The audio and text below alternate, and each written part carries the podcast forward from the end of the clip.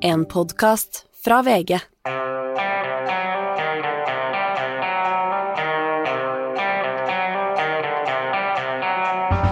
Ikke visste jeg at alle dagene som kom og gikk, var selveste uke 17. Uh, og det, det er så mye som skjer for tida at det blir helt tommelumsk, og det er en stor uro og et stort alvor som preger vår tid. Og vi spør i dag, altså, vil Russland og Putin lykkes med å splitte en sånn splitt og hersk-strategi i Europa? Eh, og kan eh, MDG klare å sette i gang en ny EU-debatt i Norge? Og Frp, er noen som husker dem? Vi er Gjever og gjengen, da. 29. april, uke 17. Hanne Skartvedt i studio. Eh, vi snakka litt om, på sendinga i går også, da, om at vi lever i en tid som påkaller ens indre pessimist og en sånn stor uro. Eh, det er sjelden Du er jo en sånn uh, doer, en sånn som, uh, som søker løsninger, men, men, for tida så jeg, jeg syns jeg aner en slags sånn filosofisk, litt sånn ja, urolig utgave av Hanne Skartvedt. Jeg syns det er veldig mørkt. Jeg kjenner, jeg satt på trikken på vei ned på jobben i dag og kjente jeg ble nesten litt sånn Ja, veldig mørkt. Altså, jeg er urolig for verden og tenker at det er så mye som er i spill nå. Uh, og som vi snakka om i går, altså i vår levetid tror jeg ikke vi har vært så uh, nær virkelig de store krisene som det vi er akkurat nå. Er det, er det, er det u, at det er så uoversiktlig, at det er så usikkert? Altså, vanligvis så har vi jo, ser vi jo at vi setter vår lit til at noen har, tar gode beslutninger hele tida, men mens hvis i en sånn situasjon som det er nå, så er liksom, da ruller det noen tog som ingen har helt kontroll på. Ja, så er det så mye, ikke sant. Trusselen fra Kina har ligget der lenge. Og så har vi vel ikke tenkt, selv etter 2014 da Russland gikk inn og annekterte Krim, har vi vel ikke tenkt at det skulle bli full krig i Europa igjen. Og så kommer invasjonen hvor Russland plutselig blir en mye, mye større trussel enn vi har sett. Det er vårt naboland. Du har Kina, du har Iran som er i ferd med å kanskje få en atombombe mye kjappere enn det vi hadde tenkt. Og så har du hele økonomien. Hvor Sindre, vår kollega på E24, snakket om på vårt morgenmøte i går, den store R-en, frykten for R, en verdensomspennende resesjon. Da kan man se for seg, husker jo, vi husker ikke, men vi har jo lest om 20-tallet, børskake 30-tallet, de harde 30-åra. Det har jo vært en veldig økonomiske oppgangstider lenge, lenge, lenge. Jeg tror de som er unge i dag, ikke helt veit hva det er å plutselig ha renta langt over titallet. Massiv arbeidsledighet. Det er liksom noe med at det er Historien kommer og biter oss litt i halen og forteller at ting kan være mye verre enn det det har vært de siste ti åra. Mm, og det har jo i hele vår Altså, du er jo litt, litt eldre enn meg, det, det, kan jeg tillate meg å si til sjefen min. Men, men altså, både på 80- og 90-tallet, som har på en måte vært våre, da vi, våre, begge våre formative tiår, da, så, jo, så var jo en del ting som foregikk da, som, som var bekymringsfulle og sånn, men du hadde ikke altså, På et eller annet nivå nå så syns jeg liksom ting Det er sånn Ja, det er en slags uro sånn, Du har en sånn ir i kroppen på at ja, nå, akkurat nå så er det liksom kulminerer så mange sånne ting som, som uh, har vært uh, oppe før, da, som kulminerer på en måte i en situasjon som, som kan eskalere og komme helt ut av kontroll. Ja, vi veit jo at uh, kriger får sin egen dynamikk. Det var jo ingen som planla at det skulle bli store, omfattende verdenskriger, verken i 1939 eller i, i 1914. Det er klart Hitler hadde sine ambisjoner, men det var jo verden for øvrig. Det er jo noe med at ting skjer litt av seg sjøl. Jeg hører nå på en veldig god podkast, uh, 'Blueprint for Armageddon', med en uh, journalist som heter Dan Carlin, som går gjennom hele oppspillet til første verdenskrig, og gjennom hele første verdenskrig. Og det er jo noen ting som minner om det, og det var jo, ikke sant, den gangen så gikk man jo fra full fred til full krig på et par uker, ikke sant. Nei, Du nevnte jo den podkasten her i morges, og da snakka du ikke bare om full krig, eller fra, fra, fred til full krig, men også om enda mer filosofiske betraktninger rundt liksom, vår sivilisasjon, da. Ja, han trekker jo fram at mens eh, du kunne liksom ta krigføringer på liksom 1700-tallet, ta en hær derfra og kanskje kjøre mot en hær fra en krig som var 500 år tidligere, og de kunne vært relativt gjenbydde i krigen. Mens første verdenskrig-hæren kunne jo slått Napoleonshæren når som helst. Mm. Andre verdenskrig-hæren eh, Tyskernes annen verdenskrig her, f.eks., kunne jo slått tyskernes første verdenskrig her når som helst. Vietnamkrig-militæret kunne slått annen verdenskrig. For hver store krig i verden nå så vil de militære og tekniske fremskrittene ha vært så store at du liksom Du kan slå den forrige hæren når som helst. Krigen utvikler seg. Krigens eh, våpen, eh, bomber, alt sammen utvikler seg dramatisk fra krig til krig. Som betyr at det blir farligere og farligere også. Men er vi som art, eller som, eh, som vesen altså, Forstår vi rekkevidden av det vi har skapt, da? Eh, du nevnte jo også med Karlin, og de snakker jo om, liksom, om, om sivilisasjoner som går under, eller ikke sant, I, i en sånn planetarisk sammenheng, faktisk. Ja, han trekker fram Kommer en sivilisasjon på et tidspunkt til å bli så teknisk avansert at man har laget våpen som kan utslette menneskeheten, men ikke utviklet våre hjerner og vår humanitet så godt at vi klarer å hindre en slik krig, er det han stiller som spørsmål. Som jo er Nei, nå ble vi mørke, Hans Petter. Nei, det her er veldig mørkt. Da må vi over til Rindalen, til den evige optimist. Eh, Astrid Mæland. Eh, du, Astrid, Russland altså, stenger jo da oljekranene til Polen og Bulgaria, og Ungarn bl.a. går med på Russlands krav om å betale gassen eh, i rubler. Eh, men store land som Italia og Tyskland eh, nøler, det, det, er usikkert. da. Eh, ser vi nå at den europeiske enheten, som, vi, som, som var veldig tydelig rett etter at Russland gikk inn i Ukraina, at den slår sprekker? Ja, du er jo inne på noe der, Hans Petter. Jeg er jo ikke så optimistisk budskapet fra Nordmøre i dag heller. Jeg tror målet til Vladimir Putins regime er å prøve å splitte Europa. Det er jo en god, gammel klassiker, det. De har jo lykkes med det tidligere. Men etter krigsutbruddet så har jo Europa stått så utrolig sammen vært enige eh, om alt. Og vært så sterkt og hjulpet uh, Ukraina med våpen osv.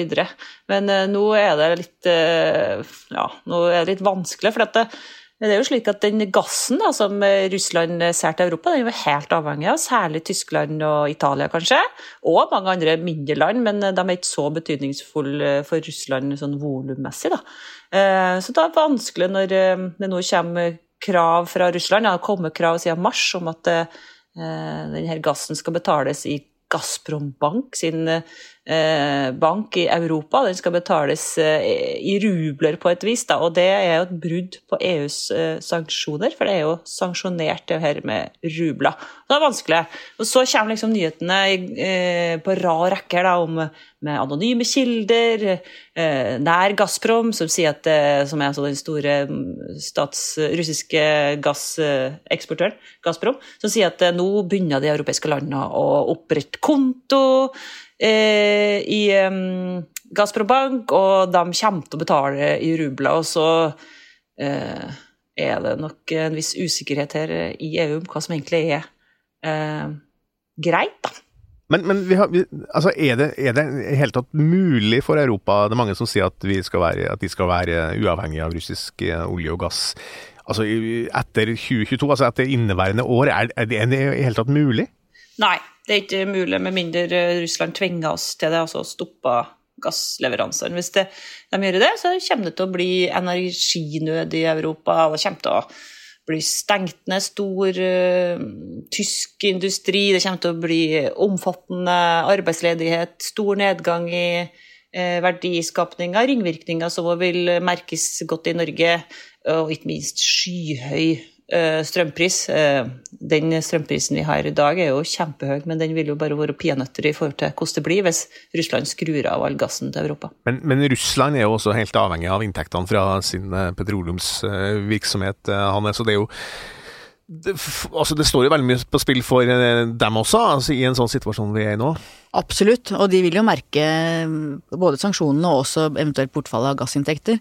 Eh, men det blir en avveining for Putin, og hvor mye det rammer han direkte. Eh, han er vel kanskje mer opptatt av seg selv og sin maktbase enn av hvordan folk hans har det. Og da er vi over i neste fase, fordi at et, altså, den konflikten som er nå, den, er, den ligger jo ulme, eller den er jo veldig aktiv i øst i Ukraina, men likevel så ligger sånn, som vi snakka om i starten, liksom, sånn uro over hele Europa.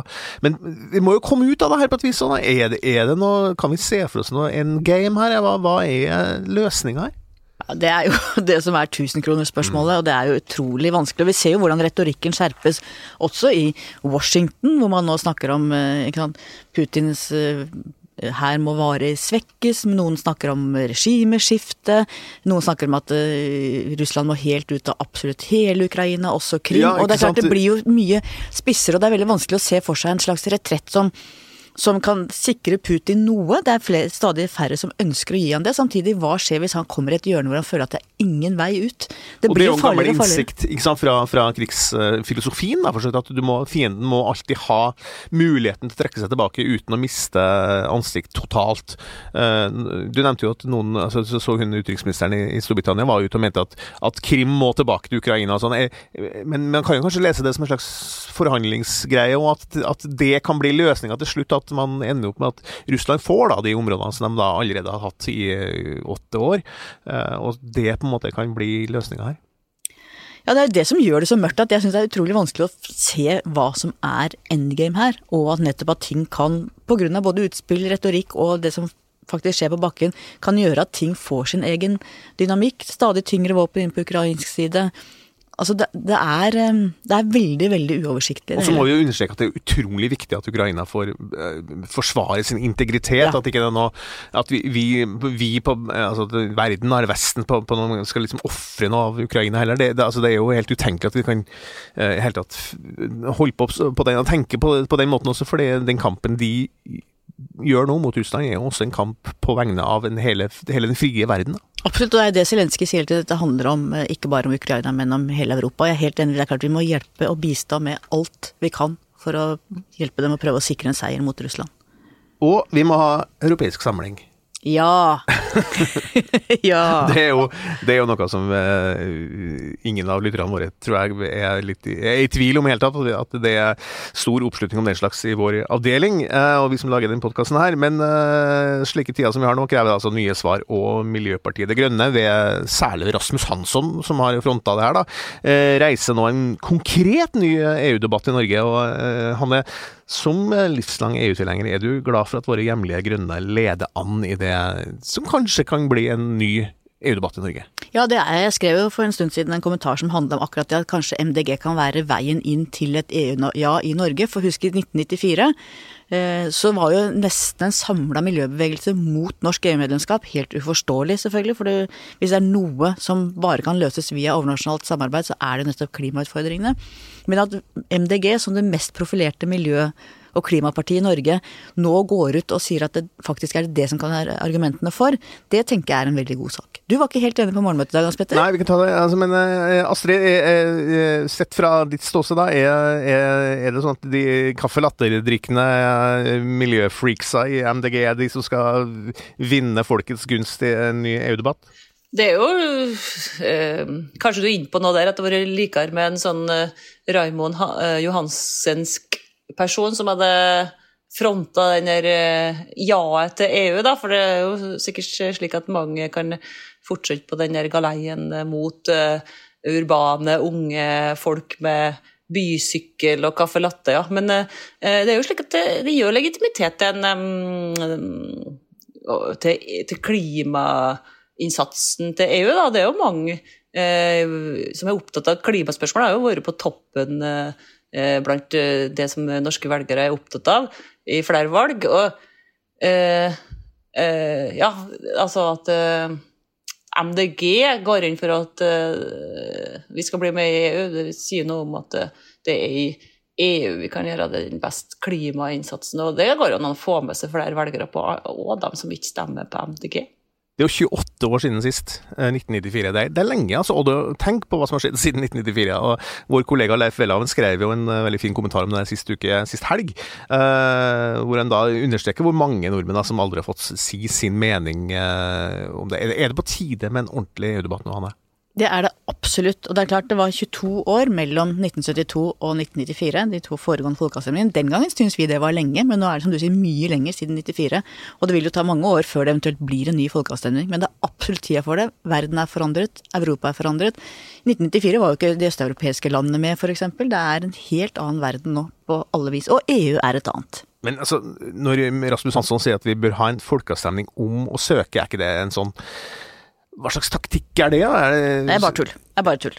Ja, det er vi enige om. Ja, det er vi enige om. For det, det, da bare sementerer du frontene før de i får begynt å snakke om det. Men det som er interessant i den sammenhengen, Hans Petter, er jo det er jo dragkamp nå innad i regjeringen mellom Arbeiderpartiet og Senterpartiet. Denne EU-utredningen som de sa i Hurdalsplattformen at de skulle, nå skulle lage, som skal handle om alt annet enn å utrede hvordan det har vært med norsk EU-medlemskap, det er jo helt natta. Ja, for jeg så Aftenposten hadde en sak på det her. nå. Ja, Det har vært en sånn kamp Nei, den sånn foregår litt eh, liksom under bordet, på en måte litt uten, bortenfor spaltene våre. Men der er, altså, det er en kamp internt i regjeringa om den utredninga her. Ja, og For meg er det helt åpenbart at hvis du først skal utrede hva er alternativene til en EØS-avtale, så kan du ikke bare se på, på britenes brexit eller Sveits som eh, har sin egne frihandelsavtale. Du må jo også se hva alternativet medlemskap skulle være. Noe annet er helt totalt meningsløst. Jeg skjønner ikke at det er mulig. Men det er jo Senterpartiet som da absolutt ikke vil. Så det blir jo spennende både hvem som skal lede den utredningen, og hva mandatet blir. Noen sier at vi ikke må ta sånne store avgjørelser eh, når det koker som verst. Eh, Men det er jo egentlig å snu alt på hodet, er ikke det? Altså, eh, det man bør jo diskutere, f.eks. i USA bør man jo diskutere våpenlovgivninga rett etter en skoleskyting. Sant? Det er jo da det, vi, vi får se hva det her lovgivningene faktisk fører til, eller faktisk har som følger. da.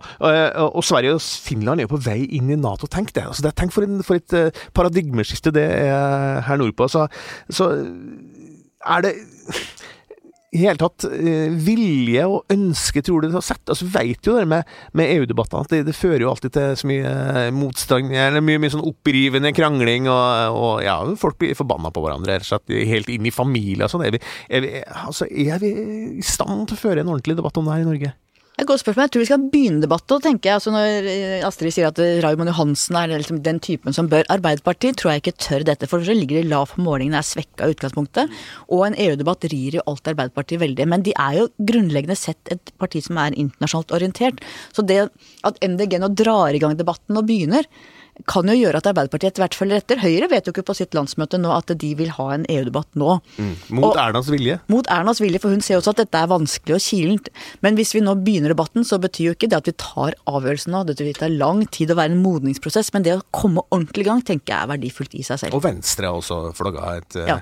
ja. til. Og, eh, Men jeg må jo sitere min, eh, vår kollega Kjetil Widsvang i Dagens Næringsliv, en gammel europavenn. Så han er alltid redd for å sette i gang en sånn debatt, fordi det kan ende med negativt resultat. Da. Så det må, det må være ti, tida må være inne. Da. Men i hvert fall personlig så må jeg si at er det nå en tid vi bør diskutere det her, og alle andre sånne store, eh, omseggripende saker, så er det jo når ting står og vipper sånn som vi gjør i, i, både for Norge og alle andre land nå. Og tenk hvor mye sterkere Norden samla hadde vært hvis nå både Finland og Sverige går inn i Nato, og hvis Norge hadde gått inn i EU. Da hadde vi, hele Norden, vært med i begge de organisasjonene og skapt et nytt tyngdepunkt og fått gjort masse i vår retning.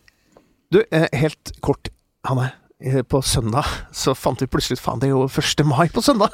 Ja. Det som eh, Magne Antonsen, vår produsent, sier at det hadde vi jo oppdaga mye før hvis det hadde vært fridag, men på en søndag så, så, så vi var litt sånn Vi glemte det litt.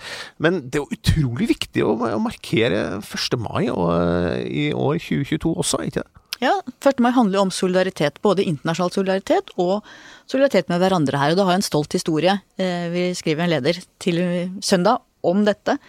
Du hadde mellomkrigstiden med store slag mellom eh, arbeidere og bedriftsledere, som endte med hovedavtalen i 1935, som er på en måte arbeidslivets grunnlov. Og du har det internasjonale aspektet. Nå er det krig i Europa. Eh, Vi får flyktninger til Norge. Vi må vise solidaritet. Folk må ta imot dem, integrere dem i lokalsamfunnet, passe på. Det er virkelig i år, tenker jeg 1. mai er en veldig, veldig tung dag. Et av eh, partiene som kanskje ikke tilhører arbeiderbevegelsen akkurat, men som jo har eh, spilt en rolle på 1. mai opp gjennom tida også, er jo eh, Frp.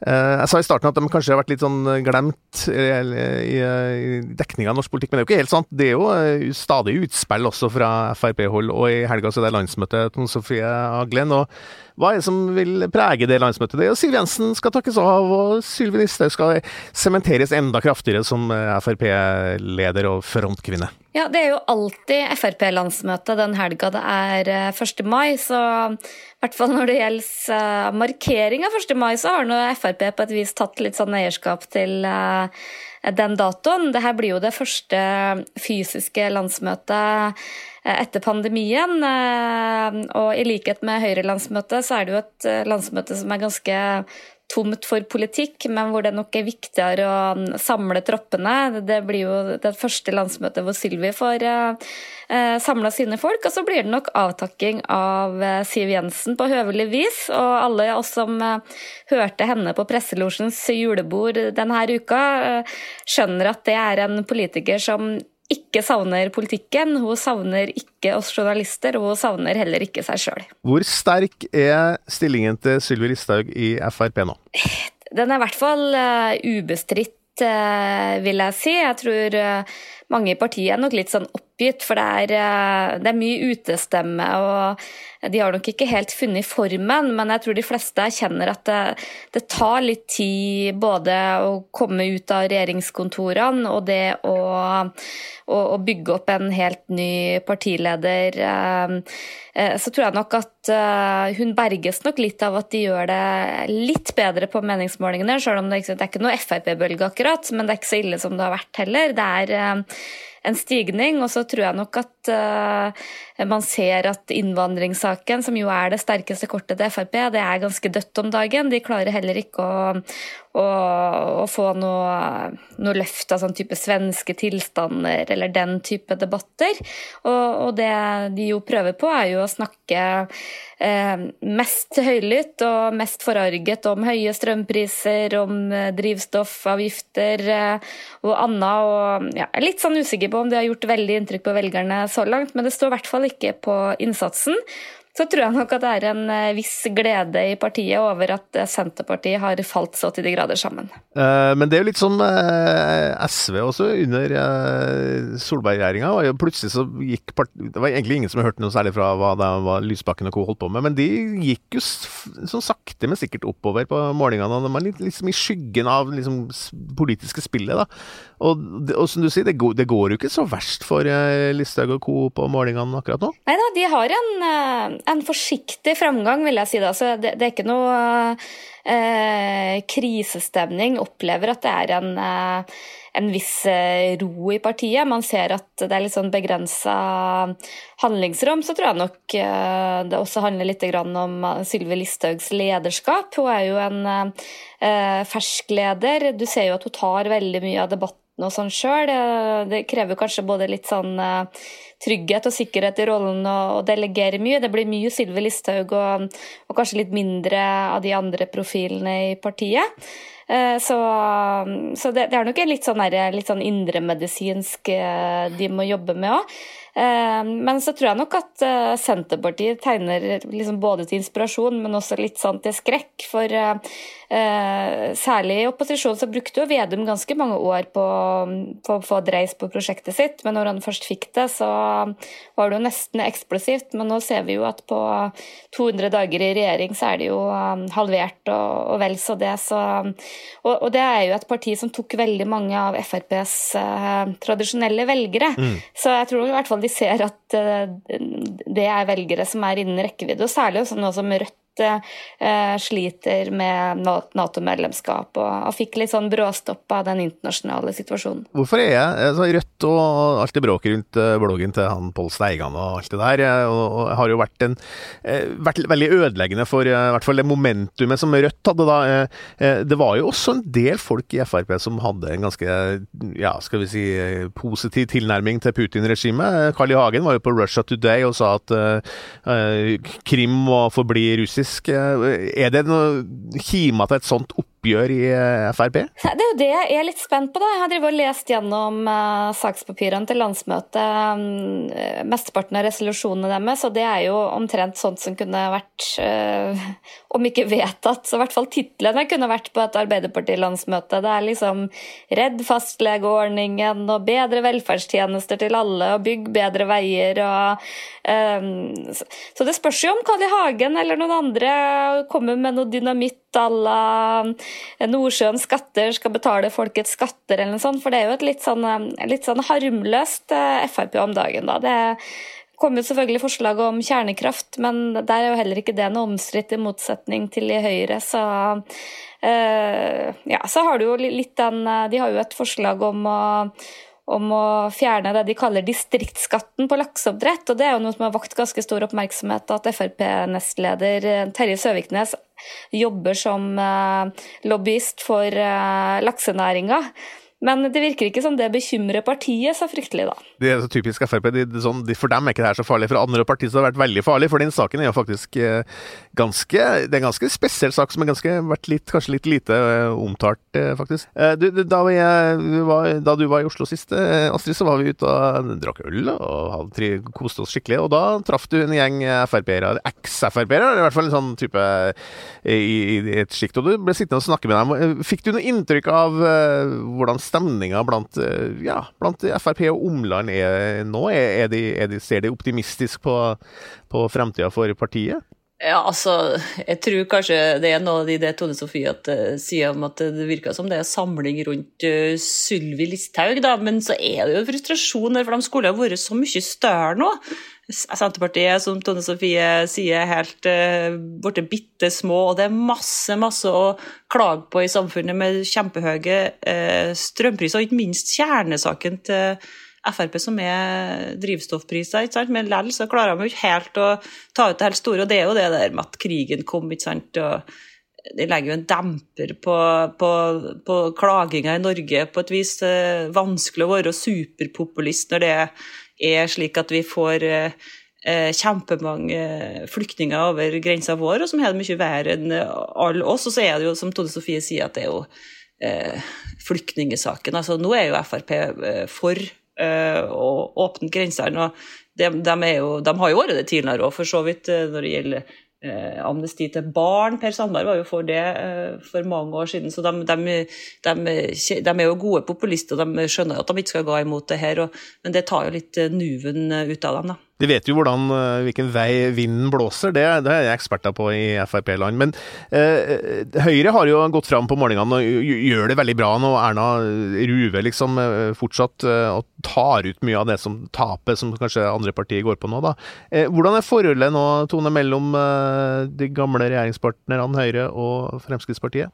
Nei, vi hadde jo en stor sak uh, hvor uh, Sylvi gikk i strupen, som vi liker å kalle det i media, på Erna Solberg, og han eh, mente at de ville heller være et støttehjul til regjeringa. Og det forholdet mellom de to partiene, jeg vet ikke om det er så ille i praksis som det kan se ut, men, men det er vel noe som virkelig burde bekymre Høyre. At Frp virker jo til å ville gå sin egen vei. og En ting er at de kan samarbeide med Høyre, men vil ikke høre høre snakk om verken Venstre eller KrF, så det ligger jo liksom litt der som en sånn udetonert bombe. Det er, jo, er det liksom noe håp for et eh, borgerlig regjeringsprosjekt igjen? Opplever også i Høyre at eh, de er ganske sånn selv Sjøl om de, de, fleste holder minen, så er de litt sånn oppgitt over Sylvi Listhaug. Det er liksom ikke helt det Eh, en drømmesamarbeidspartner. Eh, samtidig så er det jo interessant å se eh,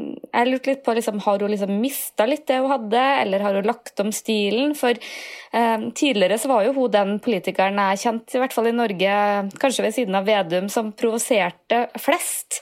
Eh, mange var jo liksom rasende over et eller annet Sylvi Listhaug har sagt om eh, feministeliten eller om godhetsposører, eller hun hadde liksom det med å treffe noen sånne ømme punkt og få liksom folk til å bli rasende. Liksom, hun, er, hun, bruker mye utestemme, men jeg ser liksom ikke at hun klarer å provosere så veldig mange lenger.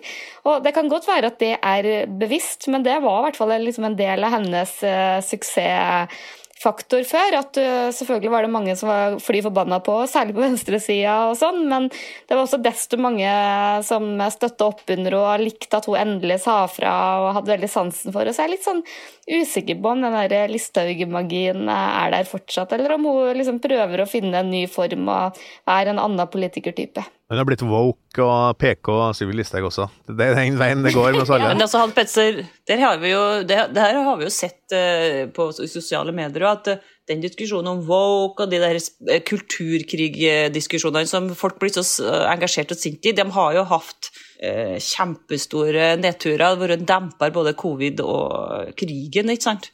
At det er ikke like mange som blir med og krangler om Eh, innvandring og statuer og sånne ting lenger, men det kommer nok tilbake. Tredje kjønn er noe fart i den diskusjonen?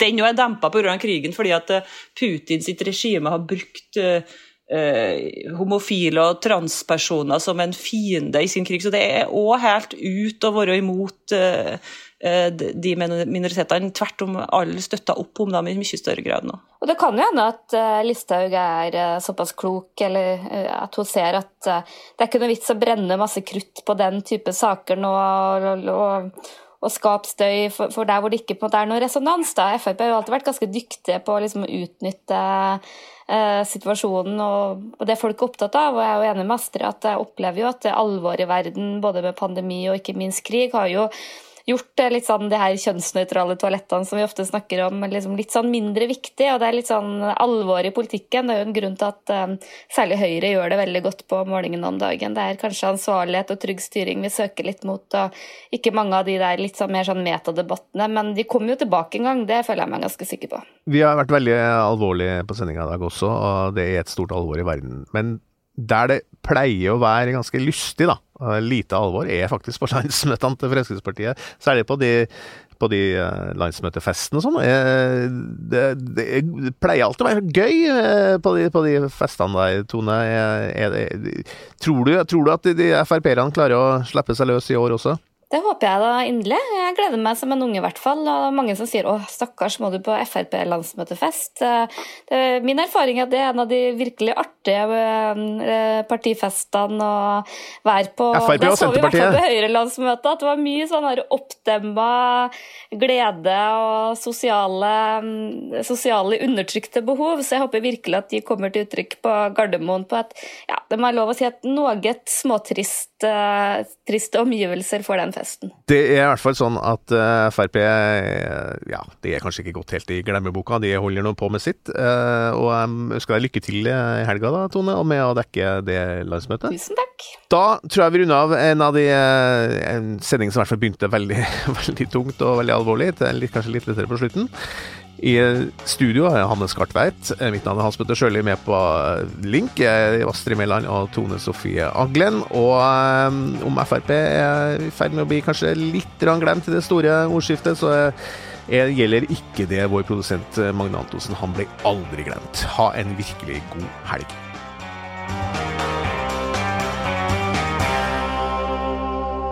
Du har hørt en podkast fra VG. Ansvarlig redaktør Gard Steiro.